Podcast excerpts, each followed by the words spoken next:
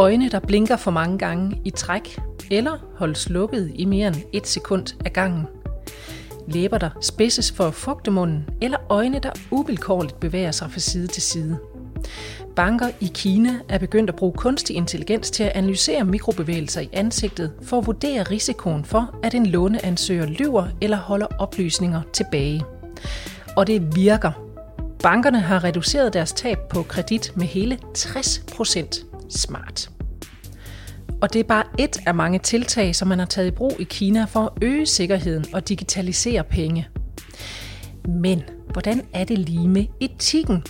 Og hvordan kan det være, at Kina er milevidt foran de vestlige lande, når det kommer til økonomisk digitalisering? Det er noget af det, vi bliver klogere på i dette program, som er et af programmerne i en serie om digitale penge, som Jyske Banks podcast Kejseriet har fokus på. Sidst i programmet kan du høre lidt mere om de andre emner i serien om digitale penge. I dag taler jeg med Christina Bortrup. Hun er journalist og forfatter til flere bøger om Kina og digitalisering. Og jeg starter med at spørge hende om, hvad det er for en udvikling, man ser i Kina i disse år. Der er jo sket en, en teknologisk revolution i Kina de seneste år, og det har også overrasket mig, hvor hurtigt det er gået. Altså selvom jeg har fulgt landet så tæt i, i 15 år, øh, og jeg har kunne se, at de har taget nogle, de har, jeg har kunne se, at de har taget nogle kvantespring, så kommer der alligevel bag på mig, hvor hurtigt det er gået. Og det er sådan særligt de sidste fem år inden for især sådan nye digitale forretningsmodeller, at det bare er bullet afsted. Og de sætter nye standarder og er foran de spillere, som vi kender i vores del af verden. Og, øh, og jeg tror, der er rigtig mange beslutningstagere, både politikere og erhvervsledere, der har en blind vinkel her, fordi øh, vi har det bare med at kigge kun på Amazon og Google og Facebook, når vi skal kigge på nye digitale forretningsmodeller. Men pointen er faktisk, at de er simpelthen længere fremme i Kina. Og hvad er det for nogle ting, de er længere fremme med? Altså hvad er det for nogle løsninger, de har udviklet, som vi simpelthen aldrig har hørt om her? Altså for eksempel øh, den mest populære sociale medieplatform WeChat, den startede, altså den bliver ofte kaldt Kinas Facebook, men den er langt mere avanceret end det. Det er faktisk nærmest en super app, altså det er sådan en alt i en app. Øh, den startede som sådan en slags messenger eller sådan en chat app, hvor du kunne sende beskeder til dine venner, og så kunne man så optage lydbeskeder, hvilket var ret smart for kineserne, fordi øh, det er meget besværligt at skrive kinesiske tegn. Man skal jo der er, hvis nu du skriver ni hav for eksempel, så kan du skrive ni, og så kan du vælge mellem fire forskellige ni-tegn, øh, afhængig af hvilken tone det er. Så man skal ligesom klikke mange gange for at skrive de der tegn.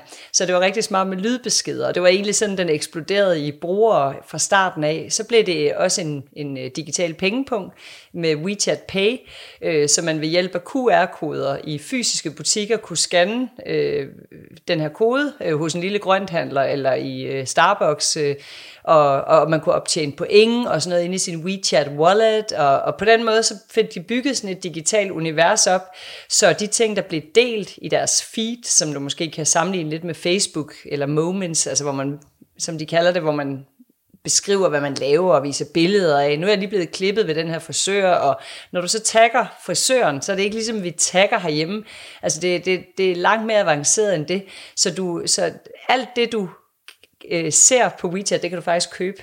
Og det er det, der gør det mest bemærkelsesværdigt. Og kineserne, de bruger faktisk næsten tre timer om dagen på WeChat.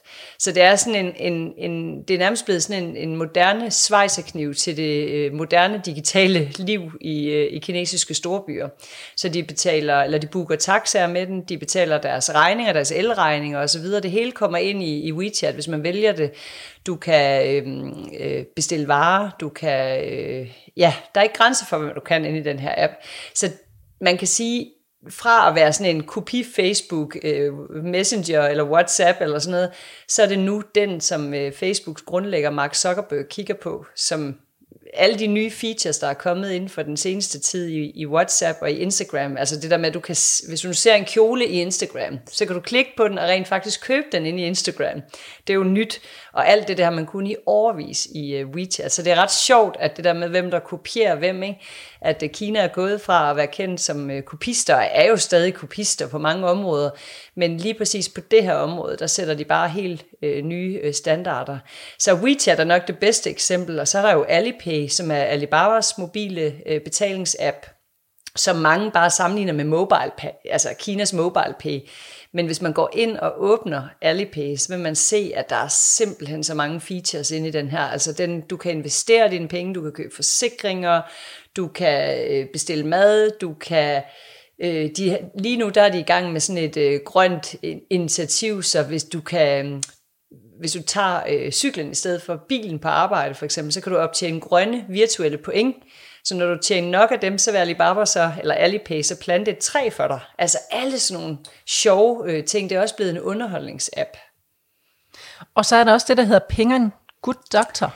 Ja, øh, og det synes jeg er et aktuelt eksempel nu øh, i forbindelse med den her coronaepidemi i Kina. Der har det jo vist sig at være utrolig interessant med sådan nogle automatiserede øh, sundhedsløsninger, fordi man jo helst gerne vil undgå at, at have det fysiske møde mellem mennesker, og særligt i et lægehus eller på et hospital. Øh, Penge and Good Doctor, de har i forvejen en app med 300 millioner brugere, og det er jo fordi i Kina har man ikke praktiserende læge, så hvis du har en datter, der har et eller andet hududslæt på armen, så er du simpelthen tvunget til at tage på hospitalet og sidde og trække et nummer. Så skal du måske, jeg, jeg mener det er gennemsnit, man venter tre timer, og så ser man typisk en læge i gennemsnit tre minutter. Det er den tid, der er til rådighed. Så det er en utrolig dårlig oplevelse, og det kan ofte tage en hel dag, fordi du skal så sidde i kø også, når du skal hen og have den creme, du skal smøre det der udslæt med. Så man kan sige, det er klart, at for kineserne er det bare en kæmpe øh, convenience, altså det gør bare deres liv så meget lettere, at de nu kan bruge sådan en app, hvor de kan tage et billede af den der øh, øh, røde eksem, eller hvad det nu er, altså sådan nogle lidt simple ting, øhm, og så lave videokonsultationer. Så den er blevet ret stor, den her app. De laver også robotkonsultationer. Øhm, øh, således at alle de indledende øvelser, de bliver foretaget af en robot, øh, baseret på det data, man har ind, testet. Altså, den ved jo, hvis du har sukkersyge, eller altså noget historik fra sundhedsvæsenet, bliver, indla- bliver lagt ind i den her app. Øhm, og her under coronakrisen, der har de faktisk øhm, øh, gjort det gratis at bruge deres app, fordi de jo selvfølgelig de vil gerne gøre noget godt for samfundet, men også fordi de vidste, at det kunne øge besøgstallene enormt. Så de fik faktisk 1 milliard øh, besøgende på den her platform fra januar til februar, da epidemien rasede i Kina. Og det, her, det gør jo bare deres system og deres robot endnu bedre, fordi den har brug for en masse data, øh, så den kan blive trænet rigtig godt. Og de har så nået øh, til et punkt nu, hvor en, deres fysiske læger, som de har ansat, ser i gennemsnit 600-700 patienter om dagen. Og det er jo så, fordi robotten klarer alle de indledende øvelser, og så har en læge sådan 15 sekunder til at sige go, altså nærmest godkendt. Ikke? Mm.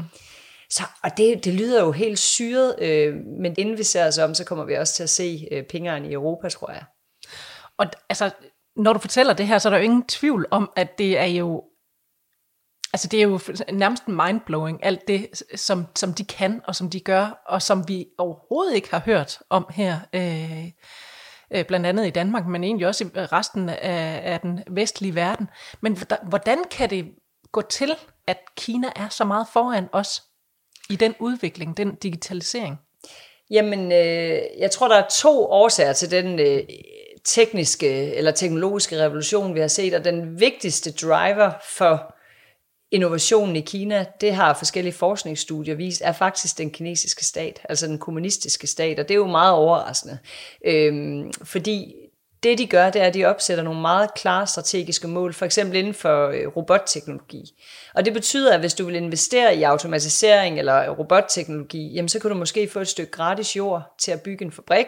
Du kan få en gratis bygning eller en gratis erhvervs fra det lokale universitet. Så på den måde gør de det så attraktivt at investere i de her brancher, øh, så pengene og hjernerne simpelthen valgfarter der til.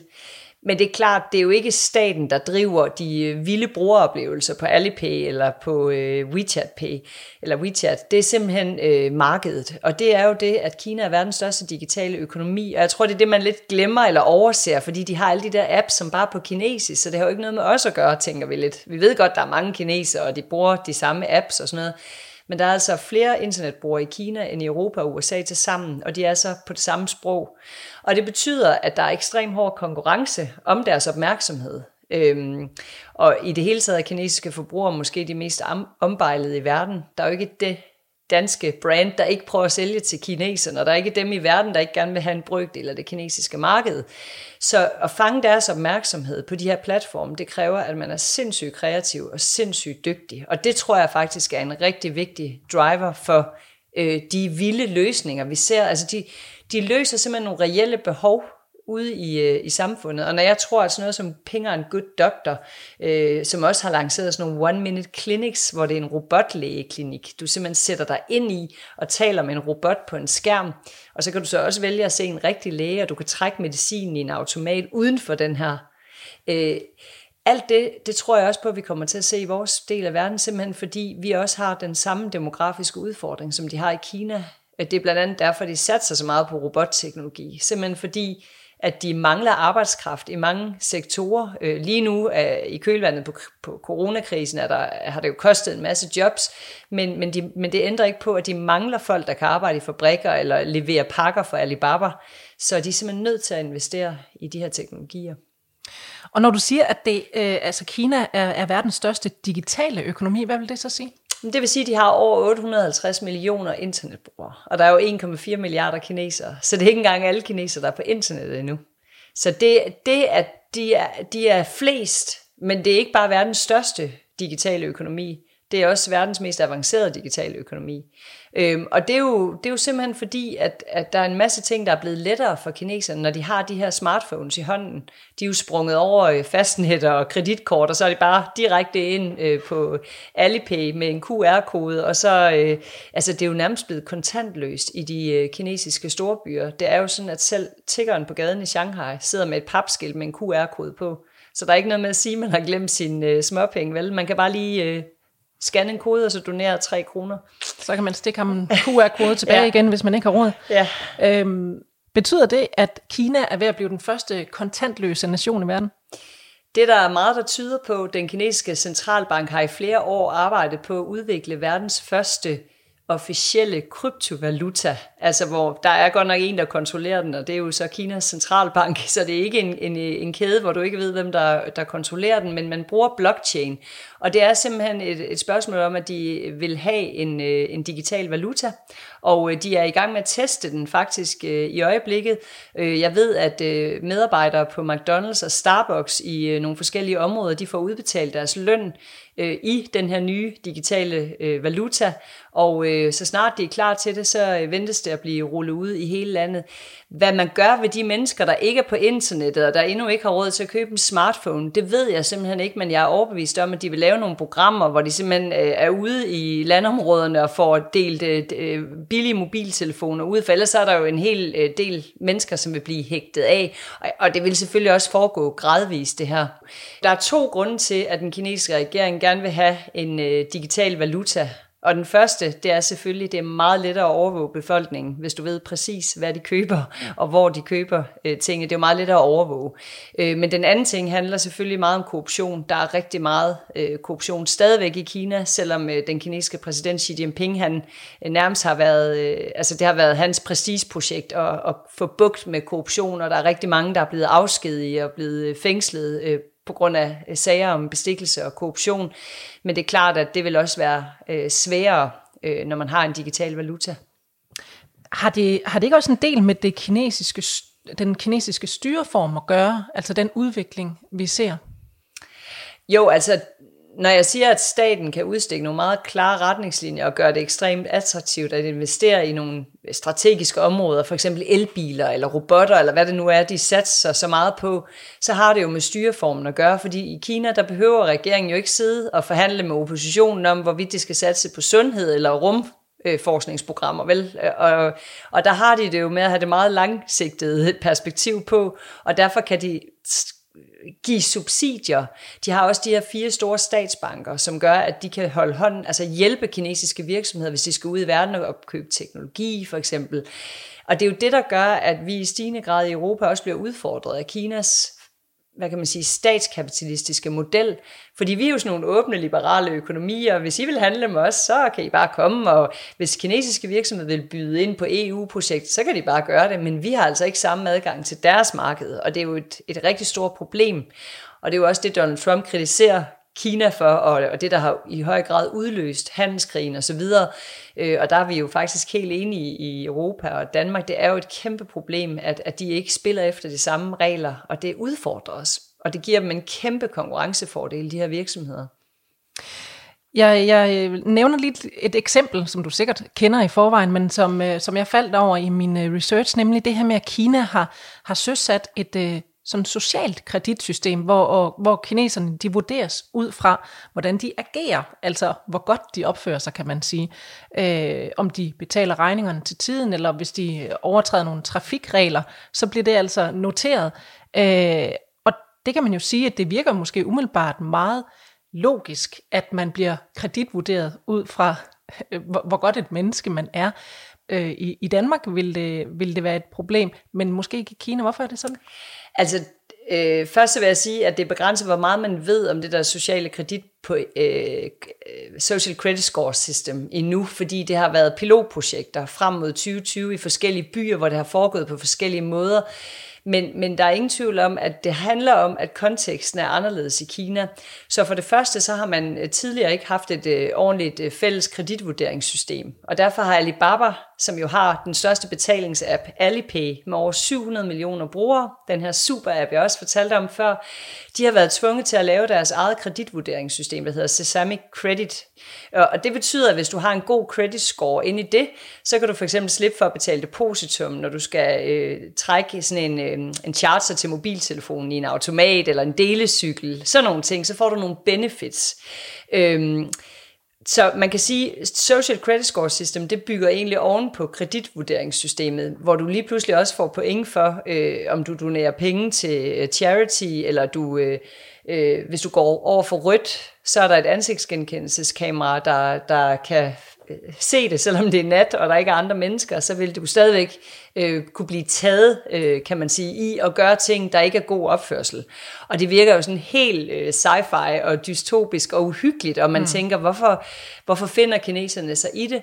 Øh, men hvis man skal prøve at sætte sig lidt ind i tankegangen derude, og hvorfor der ikke bliver total ramaskrig over det her, så handler det faktisk om, at der mangler rigtig meget moral i det kinesiske samfund. Fordi man har jo ingen religion, og øh, sådan noget med, at du må ikke lyve, og du må ikke stjæle, og de 10 bud og sådan noget, det har man jo ikke, fordi alle religion, alle religion blev forkastet under kulturrevolutionen. Ikke? Øh, og derefter så kom øh, åbningen af økonomien og liber, altså markedsreformerne, og så var det bare en hver var sin egen lykkesmed, og Kina er jo i virkeligheden ultrakapitalistisk, og det er så råt, og det er så grå, der er så meget grådighed og kynisme, som man tror, det er løgn i det samfund. Der er også mange fantastiske mennesker i Kina, men der er også nogle meget, meget grådige mennesker. Mennesker, som kan finde på at producere øh, mælkeerstatning til babyer, velvidende, at de bliver syge og måske dør af det. Altså det var jo det, melaminskandalen handlede om i 2008. Og sådan nogle ting kommer der jævnligt frem i Kina.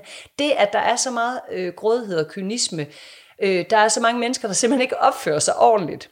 Og det er faktisk det, man gerne vil med det her system. Og der er faktisk mange kinesere, der synes, der er brug for det. De synes simpelthen, at øh, det vil være dejligt, at man kan vide, kan jeg egentlig stole på, på den her person, for jeg ved jo aldrig, om de, om de vil snyde mig. Hvor i vores samfund, i det danske samfund, som jo øvrigt er ret enestående i verden, der har vi simpelthen så meget tillid. Altså det, det hele bygger på tillid. Det er frihed under ansvar. Ja, og i Kina er det lige omvendt. Der skal du først bevise, at du er til at stole på, fordi de regner som udgangspunkt ikke med, at de kan stole på en fremmed person før du har bevist, at du er god nok til at optjene deres tillid. Så man kan sige, at det skal ses i den kontekst. Øh, men når det er sagt, så er det uhyggeligt ved det her sociale kreditvurderingssystem. Det er selvfølgelig, at en regering som den kinesiske kan bruge det til at gøre livet rigtig svært for menneskerettighedsforkæmpere, for eksempel. Fordi hvis du har en for lav score, jamen så kan du ikke øh, rejse med højhastighedstog for eksempel, du kan ikke rejse til udlandet, du kan slet ikke flyve. Det vil sige, de kan jo let sørge for, at en menneskerettighedsforkæmper, der er blevet inviteret af den amerikanske kongres, eller ned til menneskerettighedsmøde øh, øh, i Europa, øh, ned og fortælle om, om nogle overtrædelser af menneske, eller krænkelser af menneskerettigheder i Kina. Sådan en person vil jo bare øh, få en meget lav score, og, og man ved ikke hvorfor. Øh, og det er simpelthen fordi, de vil forsøge at begrænse vedkommende i at ytre sig. Så det er jo det uhyggelige øh, ved det her system. Det er jo langt fra heldigvis de fleste lande, der, der har den styring, som Kina har. Øh, men vil det spænde ben for, for den vestlige verden i øh, det her digitaliseringskapløb? Altså at vi ikke bare har det her diktatoriske øh, styre, øh, så man sådan kan, kan skalte og valte lidt med, hvilke tiltag man vil, man vil lave?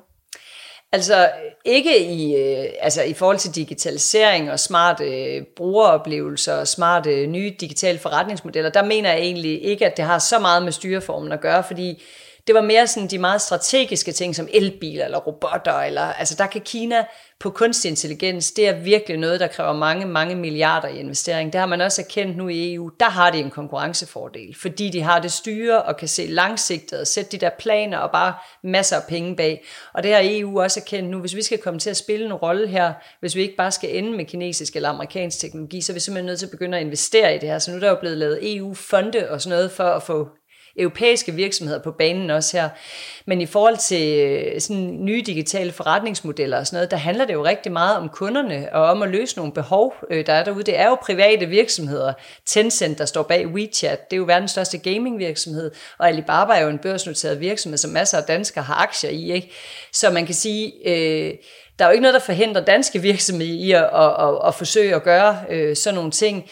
Øh, men man kan sige, at det, det lidt sjove er jo egentlig, at i Danmark, der er det jo det offentlige, der driver digitalisering, eller har drevet det. Vi er jo verdensmestre i offentlig digitalisering. Vi har øh, e-fakturer, vi har EAN-betalinger, vi har øhm, NemID. Hvorfor? Fordi vi blev tvunget til det. Vi er blevet tvangsdigitaliseret. Derfor er vi mega digitale, ikke? Men faktisk på virksomhedsniveau halter vi jo gevaldigt. Øhm, og det er jo lidt interessant, at i Kina, der er staten overhovedet ikke digital. Jo, lige med det her social credit score system og sådan nogle ting, men det er sgu virksomhederne, der driver det.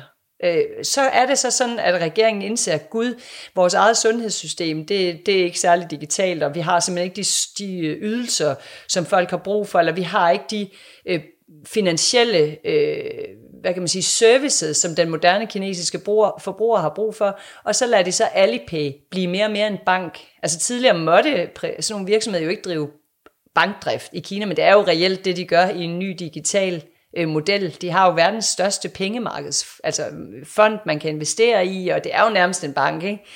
Øhm, så man kan sige, øh, WeChat, den fungerer også mere og mere til offentlige services, så det her med, at du kan betale din elregning til, til, altså, til leverandøren, som jo ofte er statsejet og, og så videre. Øh, du kan sågar blive skilt på WeChat nu. Så man kan sige, at det bliver lidt deres borger.dk i mangel af bedre. Altså det der egentlig, hvis man skal lave lighedstegn her til, det der svarer til Facebook. Ja, nærmest, ja. Og det er jo lidt interessant, ikke? Også nu i, i forbindelse med coronakrisen, øh, hvor de havde brug for en eller anden øh, tracking-app, altså en, en, en sundheds-smittesporiings-app, ikke? Jamen, øh, der sagde de så til alle dem, der havde lyst, jamen, vi skal bruge nogle, nogle muligheder. Så i løbet af meget kort tid, så var der 100 forskellige apps, som kineserne kunne downloade og vise, at de var sunde og raske, og de havde ikke været sammen med en smitte. Men altså, her i løbet af maj øh, gik de så i gang med at konsolidere, og nu kan vi jo se, at det er Alipay, der er den helt store vinder, fordi det er den, alle kinesere i forvejen bruger i byerne. Så kan de lige så godt også lige vise, at de nu har en grøn kode, og har lov til at rejse rundt med, med tog og så videre. Og det er jo, øh, det er jo meget tankevækkende, øh, at, at kinesiske virksomheder, selvom de er private eller børsnoterede, de har ikke samme mulighed for at holde afstand til regeringen. Øh, når de kommer ud i verden, så vil de gerne sige, at vi har intet med Kinas kommunistparti at gøre. Vi er en privat virksomhed. Øh, men når de er hjemme i Kina, så er de jo også beskyttet, når de samarbejder med regeringen, og de har faktisk ikke noget valg. Fordi regeringen siger, at den platform, den er smart, den kan vi bruge og så tager de den. Ja, ja, det kan man sige. De har ikke noget valg. Hvis vi så lige kigger på, på vores udvikling her i Vesten, og du siger, at det, nu er vi altså, altså vi skal til at op os, hvis vi skal følge med, ikke? vil vi så øh, i Vesten være nødsaget til at indføre nogle af de ting, hvor man her i Vesten vil sige, mm, den ligger lige på grænsen af, hvad vi etisk kan være med til i forhold til hvad man kan i Kina? Altså det håber jeg virkelig ikke, fordi altså, vi har jo GDPR, og det er der mange, der er lidt trætte af, og det er besværligt og sådan noget, og der er mange europæiske erhvervsledere, der siger, at det hæmmer også vores udvikling. Vi kan jo ikke bare indsamle så meget data om vores kunder, og så bygge nogle super smarte øh, brugeroplevelser, og lære vores kunder så godt at kende. Øh, det kan kineserne, og det er derfor, de kan lave sådan nogle smarte øh, digitale forretningsmodeller.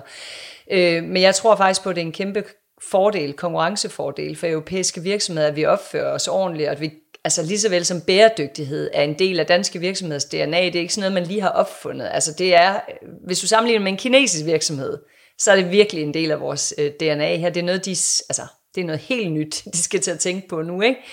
Øh, så, så på den måde, så tror jeg, at det gør os attraktive at samarbejde med. Vi kan for eksempel se, at Tencent, der er verdens største gamingvirksomhed, har spurgt Lego, om ikke de vil samarbejde om privacy for kids, fordi de er jo godt klar over, at når de sælger videogames øh, ude i verden, så vil forældre jo sådan, åh, er det nu en god idé, når det er en kinesisk app, og kan vi stole på, at de ikke misbruger mit barns data og sådan noget, hvor hvis de samarbejder med Lego, jamen, så lærer de fra de allerbedste, ikke? Og til gengæld får Lego så adgang til deres platform i Kina, hvor de kan sælge deres videogames. Så, så vi kan næsten bruge det som en, en handelsvare i forhold til at få adgang øh, til markedet, tror jeg. Og jeg tror på, at det lønner sig at sætte mennesket i centrum for teknologien.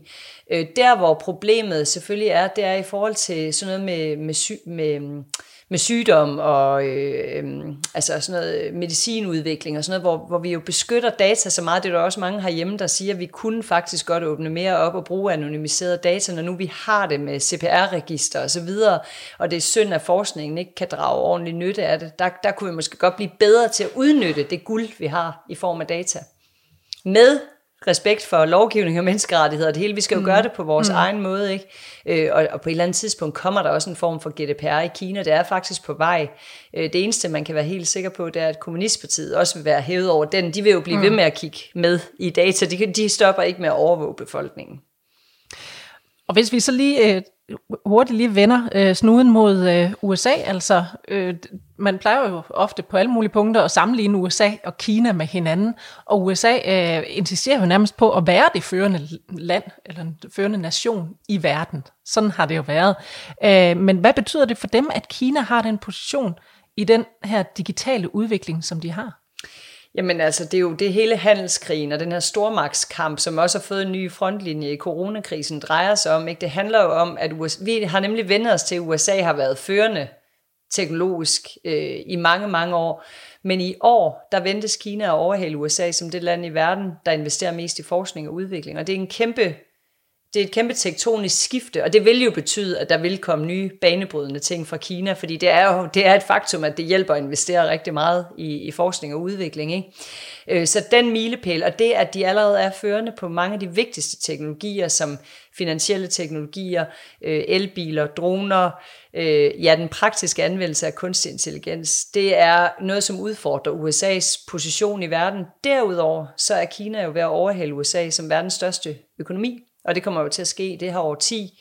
Og det ved amerikanerne godt, at den position som verdens største økonomi, det er jo det, der gør, at de har den magt og indflydelse i hele verden. Og den vil de skulle dele med Kina, når de over, overhaler øh, dem i størrelse.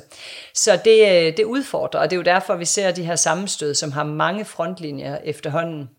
Øhm, Ja, og det er, der er ingen tvivl om, at kineserne har en kæmpe konkurrencefordel igen med deres øh, statskapitalistiske model. Vi har set her i øh, coronakrisen, at de stimuluspakker, de kommer ud med for at stimulere deres økonomi, altså for at få gang i økonomien og skabe arbejdspladser osv., der har de simpelthen valgt at investere i digital infrastruktur, så man har øh, accelereret øh, opsætningen af sådan nogle øh, øh sendere til 5G, så udrulning af 5G kommer til at foregå langt hurtigere, end man egentlig havde planlagt. Ladestationer til elbiler bliver rullet endnu hurtigere ud i det her store land, og det vil jo bare give Kina endnu et teknologisk kvantespring og et, et, et forspring på nogle meget væsentlige teknologier. Og det udfordrer selvfølgelig amerikanerne mm-hmm. rigtig meget. Men hvis vi lige opsummerer alt det her, du siger med, altså Kina, udvikling, den drøner afsted. Det gør den jo selvfølgelig også for os, men slet ikke øh, i samme hastighed, som, som det gør i Kina.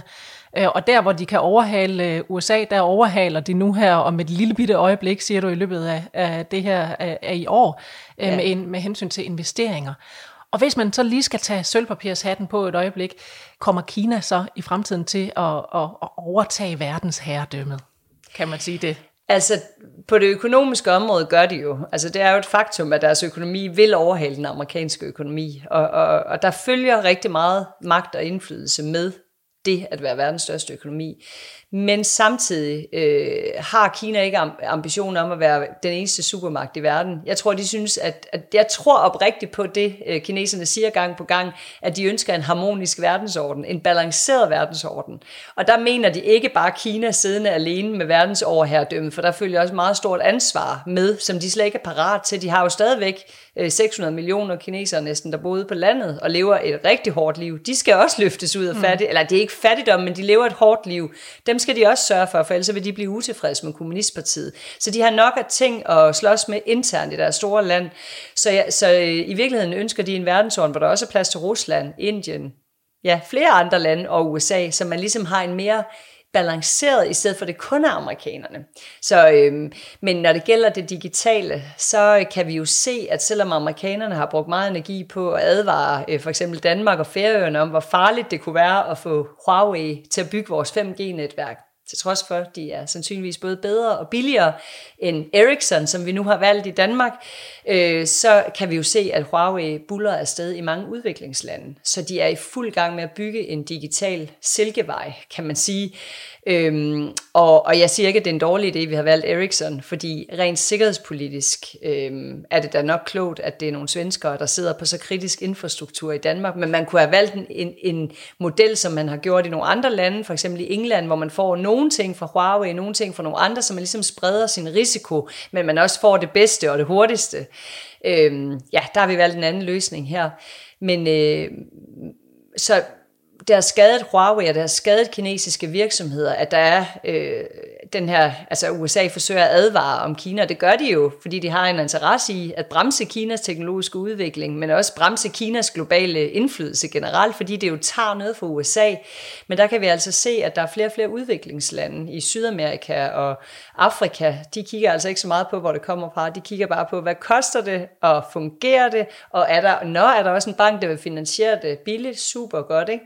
Øhm, så, så der er ingen tvivl om, at kineserne de er allerede begyndt at sætte tekniske standarder for telekommunikation for eksempel i mange udviklingslande. Og det er jo en udfordring for vestlige virksomheder, at de lige pludselig skal passe ind i en kinesisk teknologisk standard. Men sådan er fremtiden. Sådan er fremtiden. Den, den sker allerede nu, og på mange måder kan man jo sige, at Kina er blevet et vindue til fremtiden, og der vil jeg sige på godt og ondt, ikke? Øhm, men jeg synes, det er vigtigt, at vi kigger ind i det vindue og, og, og ser, er der noget her, vi kan bruge? Øh, og for eksempel ansigtsgenkendelse, det bruger man jo som øh, betaling i Kina. Øh, det er flere år siden, at Alipay lancerede Pay with a Smile, hvor du... Øh, ja, ved at blive scannet, øh, simpelthen betale, ligesom du låser din iPhone op, ikke? Øhm, kan du nu betale i supermarkeder og så videre i, i Kina. Du kan bruge det som rejsekort i metroen i Shanghai, hvor du simpelthen rejser rundt på dit ansigt.